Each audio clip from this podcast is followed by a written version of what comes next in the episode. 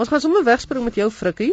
'n Luisteraar vra na die herkoms van matroos. Nou ons weet iemand vloek soos 'n matroos. Mm. Maar waar kom die woord matroos vandaan? Ja, ons weet dat matroos teruggaan na Nederlands toe. Hulle ken dit net so. Ons het dit maar by hulle gekry. Uh, dit kom dan as jy verder terugkyk uh, uit die Frans uit, uh, ou vorm van Frans, uh, matno. Ek weet nie of ek dit reg uitspreek nie en dit beteken kameraad. Maar dan maak dit nou die affære nou 'n vurk in die pad want dit kan daardie uh, vorm kan kom uit oud of oud Noors motu notter wat beteken jou kameraad by 'n etenstafel of jou tafelgenoot dan of dit kan moontlik kom uit die Middelnederlands matte noot. En dit is dan iemand met wie jy 'n slaapplek deel met ander die mat was was 'n slaapplek en jy weet dit maak nogal sin dat op op 'n skip en veral die kleiner skepies het jy maar taamlik jou slaapplek moes deel want daar's mos maar baie min ruimte beskikbaar gewees. So hy dit is nie doodseker of hy uit die oud Noors uitkom oorspronklik en of uit die Middel-Nederlands mattenoot nie, maar albei die verklaringe lyk nogal asof hulle gewig kan dra. En ek neem aan vloek soos 'n matroos kom daarvan dat matrose dalk baie gevloek het. Matrose het dit is bekend gewees dat matrose geswets het ja. Goed, ons gaan na jou toe Willem. Stefan of Steven Oberholzer van Pretoria het geskryf oor die gebruik van twee tegniese terme en dit is wye band en glimdiode in Afrikaans. Vertel vir ons meer.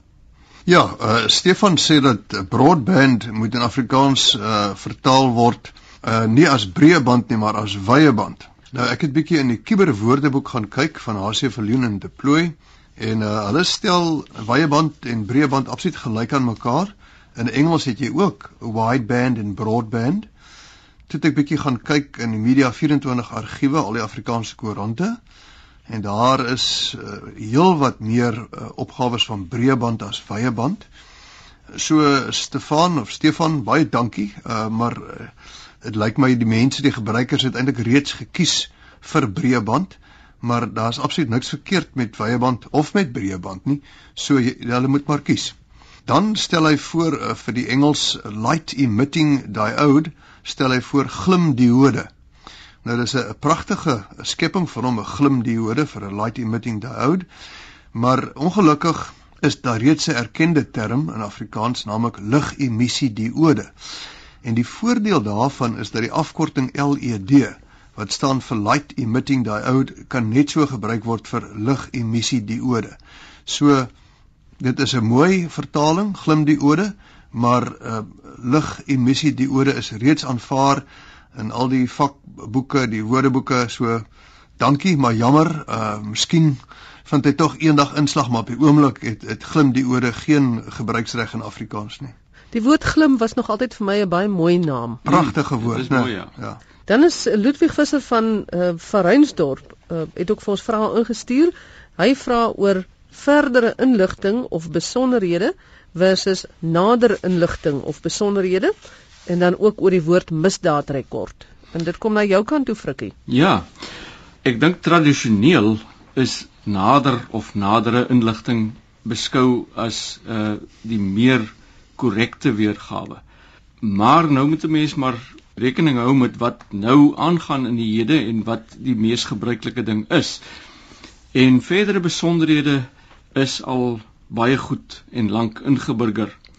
Uh jy kry nadere besonderhede. Ek ek praat nog steeds dink ek uh en dit verraai miskien maar my ouderdom van uh, nadere besonderhede en 'n nadere ondersoek en 'n nader studie wat jy onderneem oor iets. Met ander woorde, jy wil maar net daarmee sê 'n vollediger studie of 'n uitvoeriger studie, maar die verdere besonderhede sê maar eintlik dieselfde en dit is iets wat jy weet maar net toenemend gebruik word en daarbey kan 'n mens nou helaas nie verbykom nie. Nou Ludwig praat verder ook van iemand se misdaad rekord en hy sê maar moet 'n mens nou nie hy hy weet nie of rekord so gebruik moet word nie, moet 'n mens nie maar praat van iemand se misdaad verlede nie. Nou Ludwig hier weer eens uh ek het gaan kyk wat gebeur in in tweetalige bronne en een van ons tweetalige bronne gee ook vir 'n misdaad rekord sogenaamd uh, 'n lys van vorige veroordelings.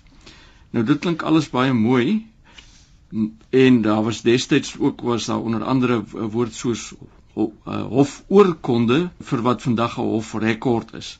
Ons moet maar aanvaar dat misdaad rekord en ook kriminele rekord word al lank gebruik. Hulle word selfs in die WAT opgeneem. Dit is nou maar van die soort van goeters wat 'n mens mee verlief moet neem. Ek troos my daaraan daar's uh, heelwat erger dinge teen wat 'n mens behoort te beklei nog in die taal. Het een van julle twee 'n misdaadrekord? Gits nie wat ek van weet nie, maar Ek gaan dit in elk geval nie vir julle land sê nie. O, oh, goed.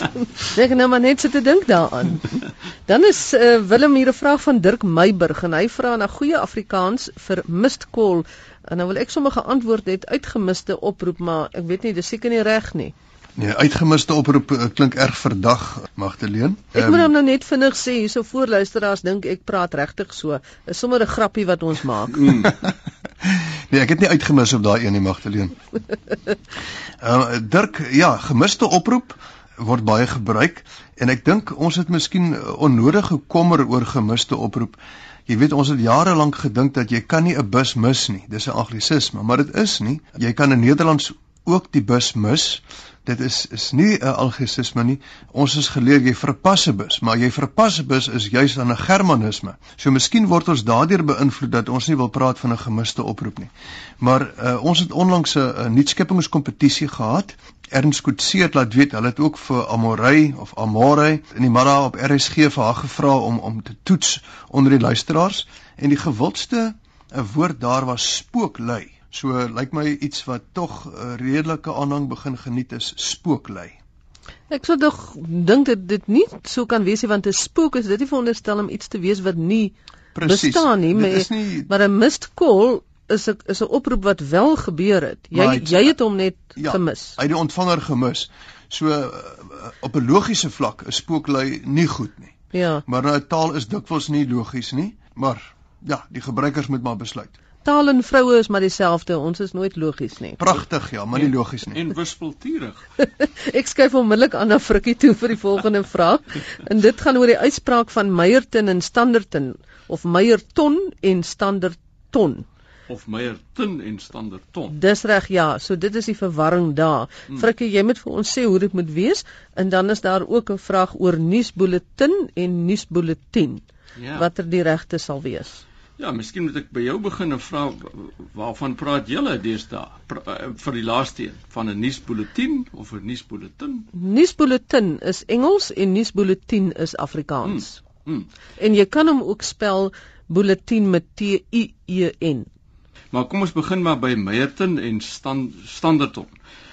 Ek het bietjie gaan dink oor die saak en dis nogal 'n lastige kwessie. Jy weet, uh aanvanklik het ek gedink maar by Meyerton want jy sê nou Meyerton en nie Meyerton nie kry 'n mens miskien 'n verskynsel wat ons in die taal noem vokaal reduksie. Nou dit kom voor wanneer 'n vokaal uh, in 'n onbeklemtoonde silaab bestaan of 'n onbeklemtoonde lettergreep dan en hy verswak dan tot 'n sogenaamde neutrale vokaal.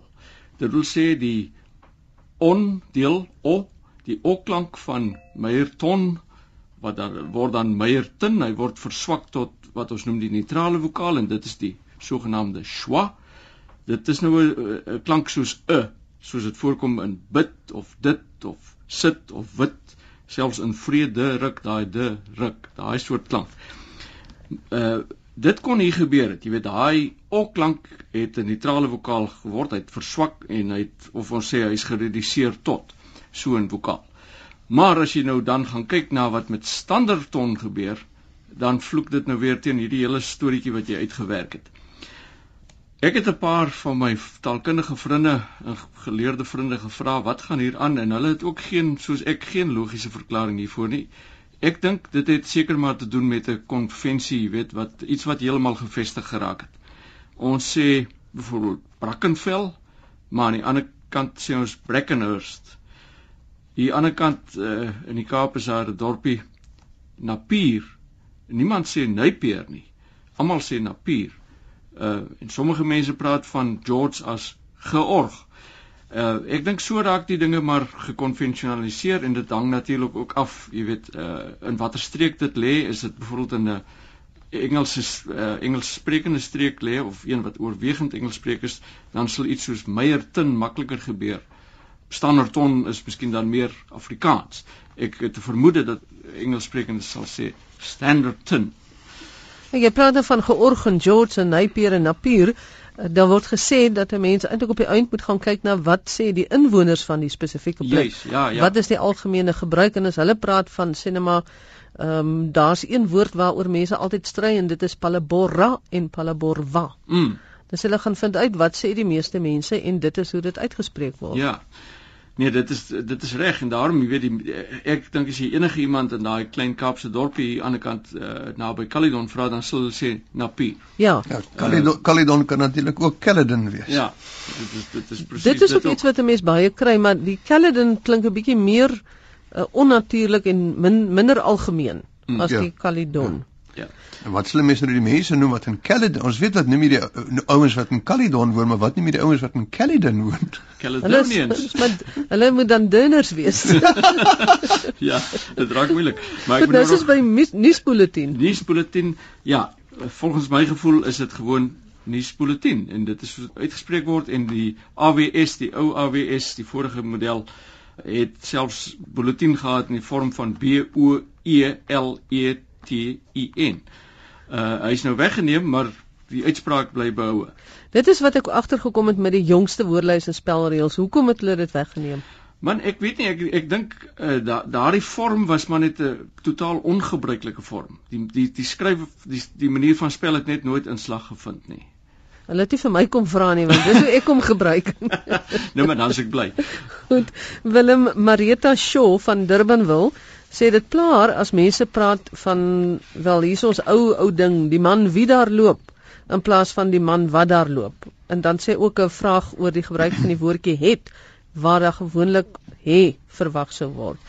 Ja, Marita, dit is iets wat maar vir baie van ons pla dat dat mense nie meer praat van die man wat gister hier was nie, maar die man wie gister hier was. Ons het al bespiegel dat dit kan wees dat hulle verward is want jy sê die man wie se huis dit is, die man met wie ons gesels het, die man op wie ons vertrou en nie die man waarop ons vertrou of die man waarvan ons gepraat het nie. En die mense raak nou heel verward. As wie of wat alleen optree as jy wil wie gebruik met jy wat gebruik as jy alleen optree ek het eendag die mooi uh, verhaaltjie gehoor van regter Feigen die regter Feigen wat hom ook een keer vererg het vir iemand wat gepraat het van die man wie hier sit toe sê hy vir man wat staan in jou Bybel staan daar ek is die Here jou God wat jou uit Egipte land gelei het of staan daar ek is die Here jou God wie jou uit Egipte land gelei het? Toe sê die ou nie daar staan wat? Hy sê nou maar onthou dit. Dis myself dis is met die onsse Vader. Wat in die hemel is. Ja. Ja. Goed, so daai moet ons maar onthou dis wat, maar as dit kom by wie se en as daar 'n voorsitter bykom soos op wie en oor wie, dan is dit op wie en oor wie en nie uh, waarop en waarvoor en waaroor nie. Ek dink hierdie ding kom van die uh, mense het op skool geleer mense is wie en dinge is wat. Ja. En nou pas almal dit so toe sonder om dan die verdere sekondêre dinge reëls ja, wat daarmee saamgaan. Ja, as dit nou 'n vraag is, moet jy sê wie loop daar, né? En en die mense is nou eenvoudig verward. Ja, Marita vra hoekom hoor sê deesdae mense sê dit is wat hy wil hê in plaas van dit is wat hy wil hê. Nou Marita, hierdie gebruik uh, van het in plaas van hê is in sekere taalgemeenskappe baie baie jare en baie goed ingeburger. Dit is wat ons noem 'n variëteitsverskynsel, maar op die oomblik is dit nie deel van standaard Afrikaans nie. Standaard Afrikaans is natuurlik ook 'n variëteit, naamlik die standaard variëteit. Maar hierdie is 'n ingeburgerde, goed gevestigde gebruik. Um, hy kom landwyd in sekere taalgemeenskappe voor en dit is baie oud en al wat ek kan sê dit is 'n variasie vir variëteitsverskynsel wat nie op die oomblik 'n deel is van standaard Afrikaans nie. En hy kom baie algemeen ook voor in Boesmanland, Rigtersveld en in Makoland. Mm. Dit dit ek nie eens geweet nie. Ja, ek ek, ek ja. gebruik dit ook baie keer so as ek nou informeel gesels. Mm. Ja. Dan eh, glip dit uit want dit is maar soos ek gewoond geraak het. Frans wat Tennyson Frikkie wil hê jy moet verduidelik die aanwending van staf in militêre verband in woorde soos nou stafhoof of stafwerk. Ja. François sê dit lyk dit my na aanleiding van 'n program wat gemaak is met 'n spesialis gas wat gesê het, jy weet, uh, eintlik moet 'n mens net van staf praat uh, in in terme van 'n stafsersant. François sê dis natuurlik korrek dat 'n mens nie staf moet sê as jy personeel bedoel nie. Maar dan gaan hy verder en hy sê wat mense net moet besef is iets so stafwerk versus personeelwerk is twee verskillende funksies in militêre konteks en dat 'n weermag eenheid se stafhoof en personeelhoof twee verskillende mense is met verskillende opleiding en vaardighede. En so ook sê hy 'n stafoffisiere en personeeloffisiere dan mense wat heeltemal verskillende soorte werk doen. Nou kom ons kyk 'n bietjie gou wat bedoel word dan met stafwerk. Uh hy sê dit het niks met die soos ek nou reeds gesê het met die konvensionele personeelwerk te doen nie, maar dit is iets wat uh, gebruik word in terme van operasionele, logistieke en beplanningswerk. In breë terme sê hy is daar basies 3 soorte mense in die weermag konteks. Die operasionele mense, met ander woorde bevelvoerders en mense wat operasies uitvoer, dan die sogenaamde stafmense waaroor hy dit nou het, oor wie hy dit het, moet ek sê. Ehm um, nee om aan te sluit by wat ons net oor gepraat het van dit is nou die mense wat sê maar uh intelligensie of inligtingmense is en wat nou betrokke is by operasionele en logistieke en beplanningsaksies. En dan's daar die ondersteuningsmense uh wat personeelmense kan insluit. Nou die woord dus, staf in Afrikaans, dit is nou nog nie algemeen aanvaar nie. Nee, nie vir nie vir personeel nie. Hmm. Maar as jy staf gebruik in die militêre konteks, dan is dit altyd ouens wat dit doen het met logistieke en operasionele beplannings. So, hy hy maar sê ons moet maar net onthou in 'n militêre konteks is die onderskeid absoluut geen personeelhoof val onder 'n stafhoof nie of andersom en stafwerk en personeelwerk is op die hoogste vlak heeltemal verskillende dinge. Dankie François vir die verduideliking. Dan Willem is hier 'n vraag van oudregter Piet Skamort, 'n baie gewaardeerde luisteraar, 'n gereelde luisteraar na RSG. Hy is in Johannesburg en hy het 'n interessante staaltjie oor die herkoms van besa's wat ek wil hê jy net vir ons moet vertel. Dis nou na aanleiding van een van die vorige programme waar ons gepraat het oor wat noem 'n mens 'n fillet. Ja, dit dit was dit was eh, 'n uh, ander gas nie een van ons twee nie wat gesê het hy is nie seker waar besa's vandaan kom nie.